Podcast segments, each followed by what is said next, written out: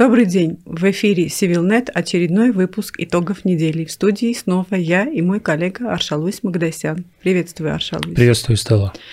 Аршалуис, мы с тобой говорили последний раз, по-моему, дней 10 тому назад. У нас тут накопилась информация, есть темы для обсуждения. Ну, начнем с топ-темы дня. Никол Пашинян с рабочим визитом находится в Москве. Повестка, как известно, это обсуждение реализации э, заявлений по Нагорному Карабаху, ситуация в регионе и так далее. Э, в нынешнем году Путин и Пашинян провели три личные встречи – но есть ли ощущение, что есть какой-то спад все-таки в общении или в визитах э, главы армянского государства в Москву, или это такое более субъективное мнение? Я думаю, такого впечатления, по крайней мере, у меня нет. А почему? Потому что достаточно активной связи между Арменией и а, Россией, Россией и здесь связи не только на уровне глав государств. После войны эти связи, а, то есть, ну, скажем, мы стали, то есть мы об этом начали узнавать, наверное, до этого тоже были эти связи, но они стали более, а, более, а, так скажем, для нас они стали очевидными, и в СМИ мы стали видеть э, информацию об этих связях. То есть я имею в виду э, на, подвес... на, на уровне ведомств определенных, на уровне Министерства обороны и так далее. Почему? Потому что армянская армия понесла очень много потерь в результате войны. Она достаточно уязвимом состоянии находится, и вся система безопасности в регионе, в частности Армении тоже. Поэтому эта система безопасности, которая подразумевает не только военную компоненту, но и другие компоненты. Это вообще-то это и по части МЧС, это и по части вообще правоохранительных структур, это и по части силовиков и так далее. Они сейчас э, с учетом того, что роль России резко увеличилась, потенциал Армении резко ослаб, а зависимость Армении от России достаточно велика, в этом плане мы э, просматриваем некую, некое усиление интеграции этих структур, некое усиление кооперации этих структур, что э, объективная реальность, потому что нужно как-то с помощью России восстанавливать потенциал армянского государства, обороноспособности Армении, и это все сейчас реализовывается, делается и все вообще движухи, так скажем, региональные, шаг влево, шаг вправо, сейчас делаются с, а, так скажем, с оглядкой на Россию в этом плане. С оглядкой на Россию с армянской стороны, вот ты э, отметил следующее. Усилилась роль России. В последнее время очень часто в экспертных мнениях мы э, встречаем такую мысль. Роль России уже не та. Что ты думаешь по этому поводу? Что все-таки ее в какой-то мере вытеснила Турция? И это звучит, кстати, нередко. Знаете как, Турция усилилась, усилилась, конечно же, в регионе в результате войны. Она, стала, она можно сказать, прямо участвовала в этой войне. Ее э, генералы там сидели в штабах, указывали, уже это ну, и известная техника, и, да. реальность то есть азербайджанской, на азербайджанской стороне. А, и турецкая техника, техника показала неплохо себя, да, для азербайджанской стороны достаточно плачевно для нашей стороны, стороны на, на, на театре а, военных действий. Поэтому, конечно же, роль Тур Турции усилилась, но она, она не заменила Россию, она не стала такой, чтобы, так скажем, стала, была бы альтернативной для, в этом плане России, показала бы свою альтернативность. Нет, для Армении еще больше, роль России еще больше а, усилилась, еще больше увеличилась, увеличился, то есть, то есть а, в этом плане значение России для Армении э, на самом деле никак не спало, а достаточно увеличилось. В связи с этим э, то, что разговоры о том, что Россию вытеснили, нет. Если мы вот э, даже вот один индикатор я приведу, один пример, чтобы понятно было, да, Украина, если я не ошибаюсь, там провел, провела, этот кримский, кримскую платформу куда пригласили Десятки всех, государств, да, да. всех, всех вообще стран мира, всех, всех государства. Армения никак не приняла в этом участие. Ни в украинском, украинской платформе, ни после этого а, там торжествах по а, по, по празднованию независимости Украины, Украины 30-летней независимости, как мы здесь праздновали. Но и Азербайджан тоже не принял участие в, это, в этих э, торжествах. Ни в Крымской платформе, несмотря на то, что Турция приняла в этом участие, придавала особую важность этой платформе, оттуда заявила о том, что не признает Крым. аннексию Крыма и так далее, по их словам, и так далее. Азербайджан не, при, не принял в этом участие. Поэтому роль России сейчас для Азербайджана тоже очень высок. Э, с этим, то есть разговоры о том, что она ослабла, она не ослабла, просто роль Турции чуть усилилась. Если вернуться к встрече Пашинян-Путин, это всего лишь сверка часов или все таки стоит ожидать каких-то, не знаю, действенных шагов или конкретных результатов от этой встречи? Мы же все знаем, что Армения ожидает, я не знаю, освобождения военнопленных.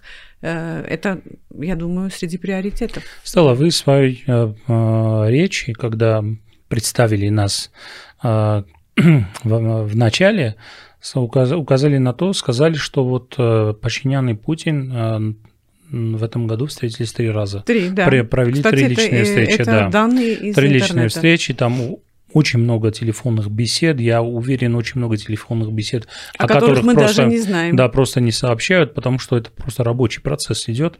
Иногда сообщают о том, что между президентом или между лидером состоялись телефонные беседы, обсуждались те или иные вопросы, исходя из протокола все это делается.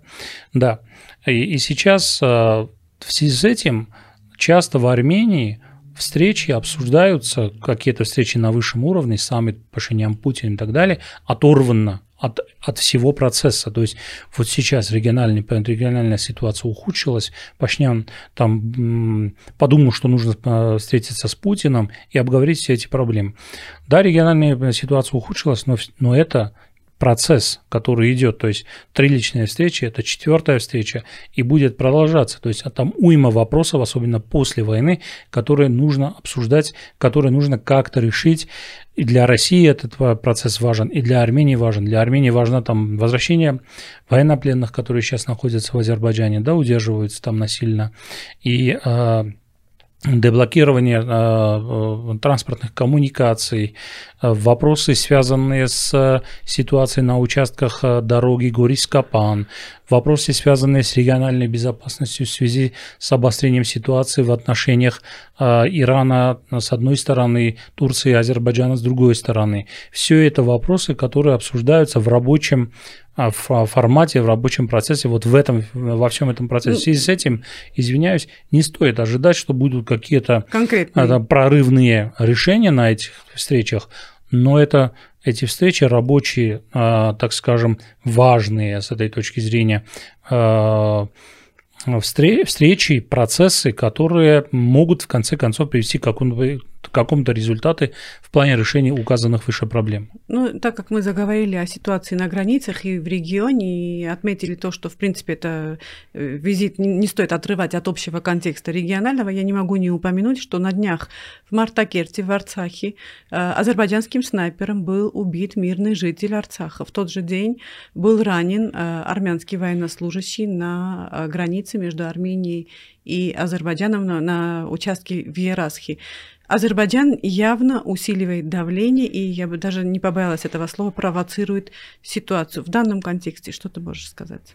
Ну, ситуация осложняется в регионе, это понятно.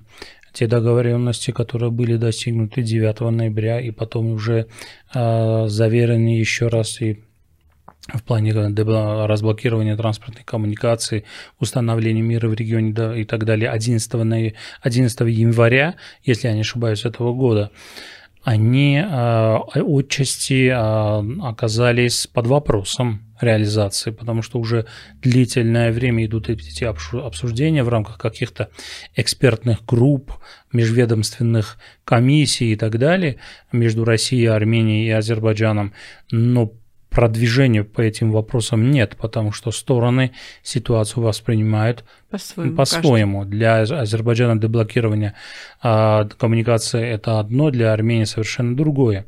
А для России это в целом важно, чтобы показать всему миру для себя, конечно же, и сторонам э, конфликта, что вот процесс, некий мирный процесс все-таки идет, продвигается.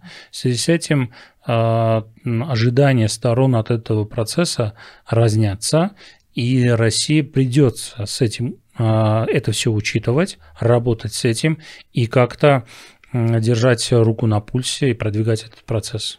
Хорошо. Э, Пашинян э, до Москвы был э, в Латвии. Почти в те же дни председатель Национального собрания Армении Арарат Мирзаян был в Иране.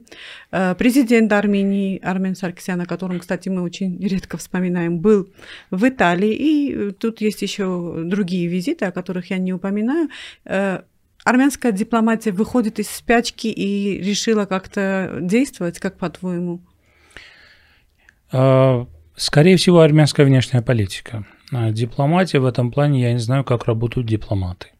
Я не знаю, что они делают конкретно в странах, а, как решают стоящие перед Арменией задачи, то есть перед внешней политикой Армении задачи. В связи с этим армянская внешняя политика, которая решается на уровне, на уровне премьер-министра. А, конечно, ситуация в регионе достаточно сложная, и эта сложная ситуация заставляет, заставляет уже... и спровоцирует, э, я не знаю, там запускает активизацию вот этого дипломатического или внешнеполитического процесса.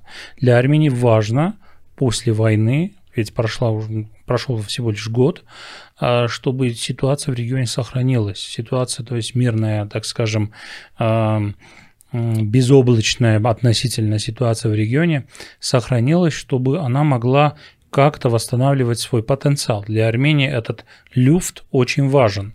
В связи с этим обострение а, в отношениях Ирана и Азербайджана, Ирана и Турции и так далее, это достаточно большая угроза для безопасности Армении, потому что все это происходит у поднога Армении. Это угроза, может, это также и возможность? Не знаю, каким будет театр военных действий.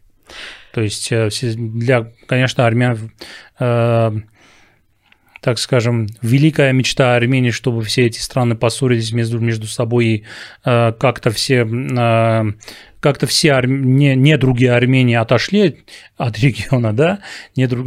им стало плохо в результате всего этого, но, но этого не будет, конечно же. В связи с этим все эти вот, потен... Э, то есть включающие в свой потенциал достаточно большую угрозу дестабилизации ситуации в регионе, это, это, это угроза для Армении. Армения в связи с этим а, озабочена, и поэтому министр иностранных дел Армении едет в Тегеран, а, э, там, премьер-министр и спикер парламента в Москву, это понятно. И здесь нужно учитывать, мы к этому вопросу, я уверен, придем, что вот эти форматы региональные разного рода начинают работать. Начинают работать, конечно, не в идеальном а, так, э, состоянии, э, порядке и так далее, но где как угодно и где как э, возможно, так скажем. Ну, так как ты упомянул уже тему форматов, их как-то стало много, по-моему, в, пострегион... в поствоенном регионе. Даже такое, такое впечатление, что есть какая-то конкуренция или борьба форматов. Непонятно, э, что выгодно Армении, что невыгодно. Есть тут Минская группа, там 3 плюс 3, там Москва, Ереван, Баку и так далее. Э, ситуация какая-то хаотичная, не так ли? Есть некая, так скажем, э, на первый взгляд конкуренция этих форматов. Конечно, он, он есть, потому что все-таки Иран, который продвигал формат 3, 3 плюс 3 после войны и после выборов в этой стране пришел в себя, там сформировалось наконец-то правительство. И, кстати, новое руководство, министр иностранных дел. Да, новое руководство и так далее, которое по-иному смотрит на ситуацию mm-hmm. в регионе, достаточно бескомпромиссный в, в плане там э, влияния Израиля, США и так далее. Э, поэтому у них отсюда и у них это обострение с Азербайджаном и они продвигают свои, они понимают, что после войны ситуация для них достаточно в регионе ухудшилась, их позиции а, ослабились, ослабились они достаточно зыбкие стали, поэтому некую активную дипломатию проводят. Так, Но 3 плюс 3 как бы Тегеран уже и не продвигает, э, по-моему. Нет, продвигает. Тегеран продвигает 3 плюс 3, это исходит также из интересов Турции, из интересов России, в том числе потому, что, ну это что означает? Региональные вопросы будем решать вместе э, с учетом мнения, решающего мнения региональных держав. Это Россия, Турция и Иран. Что было в истории, э, в общем, в прошлых веках и так далее э, в свое время. Сейчас наблюдается другой формат. Но Грузия этим недовольна. Армения, в принципе, э, тоже не принимает эти условия, потому что, ну, там есть Турция, там есть э, страна, страна которая, в общем, враждебно настроена и так далее. Куча проблем. Но если, ну, конечно, Россия, там есть Иран, который, в принципе, там отношения с этими странами достаточно хорошие, союзнические в плане России, а добрососедские в плане Ирана. Э, Грузия в этом плане продвигает свою идею. Она, она как бы хочет свою инициативу. Она продвигает инициативу, так скажем, три, то есть формат чисто региональных стран, э, стран Южного Кавказа. Это три страны, которые посредством Грузии могут решить какие-то вопросы.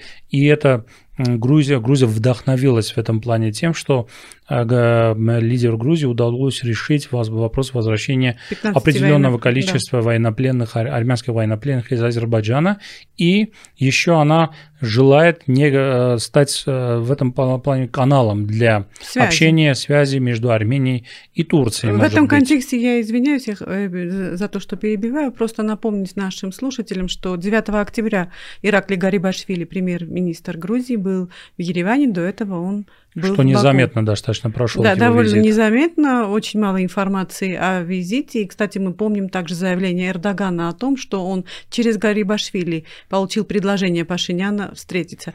Но у меня вот такой вопрос. Как, по-твоему, есть ли какая-то иерархия в этих форматах все таки ну, смотрите, это как матрешка.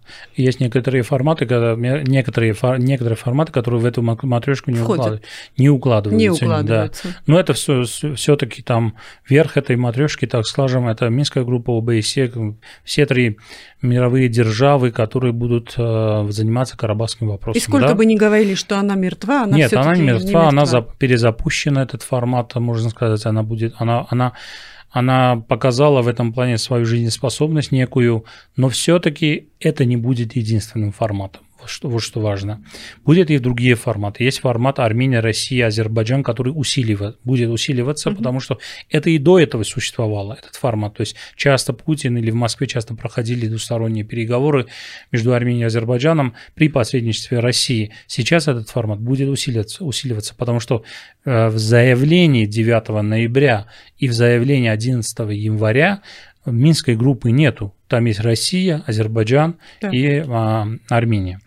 А, и, и, и некие а, и, и есть это самое предложение 3 плюс 3, да, как мы уже сказали, это региональные страны, региональные державы и региональные страны. Собственно, этот формат отчасти тоже работает, потому что а, если сейчас не учитывать Грузию из этого формата, то есть 3 плюс 2 получается, этот формат в каком-то плане местами работает, потому что, смотрите, 9 ноября, когда стороны пришли к перемирию, война прервалась на перемирии, угу. это же было достигнуто в результате переговоров, в том числе и особенно между Россией и Турцией. Тогда же турецкая пресса написала, что 7, по-моему, или 6 ноября, что вот Путин и Эрдоган договорились и скоро закончится война, и так было. И в этом плане, то есть они, то есть региональные державы договорились о окончании военных действий. Сейчас же, когда обострение произошло между Ираном, Азербайджаном и Турцией, Иран эти вопросы а, начал обсуждать не с Азербайджаном, не даже с Арменией, так скажем, не ну, даже с, с Турцией, а с Россией. Министр иностранных дел Ирана посетил Москву, и после этого, можно сказать, в определенном плане накал в регионе чуть снизился. То есть, если констатировать напоследок, эти форматы не только не противоречат э, друг другу, но и могут как-то взаимодополнять. Да, местами они будут взаимодополнять. Где, ну, политика же, в том числе внешняя политика, это искусство возможного. Где что возможно, там и там и будут и Это главный урок, я думаю, для армянской внешней политики. Да, там и будут продвигать все эти решения, все эти вопросы, потому что, ну вот, э, Грузия иногда, то есть э, время от времени может превратиться в площадку армяно-азербайджанских и, и армяно-турецких связей. Почему бы и нет, если этот формат будет работать, там будут обмениваться определенными месседжами. Если будет какой-то конкретный эффект. Да, если будет, если в результате этого там вернут армянских военнопленных или, я не знаю, Турция решит открыть границу с Арменией и так далее. Будем ждать результатов встречи Пашинян-Путин, насколько бы скептично мы не были настроены. Будем ждать и скажем, что этот эфир записывается вот именно в минуты, э, в когда, минуты, когда да, они, кстати. наверное, сейчас проводят эту встречу. Да, 5 и часов мы, по и мы, конечно же, по, по этому поводу с этим не можем комментировать итоги этой встречи. Мы их прокомментируем на следующей неделе. Спасибо, Аршалуис. Спасибо, Стелла. В эфире были итоги недели на канале Civilnet. До встречи.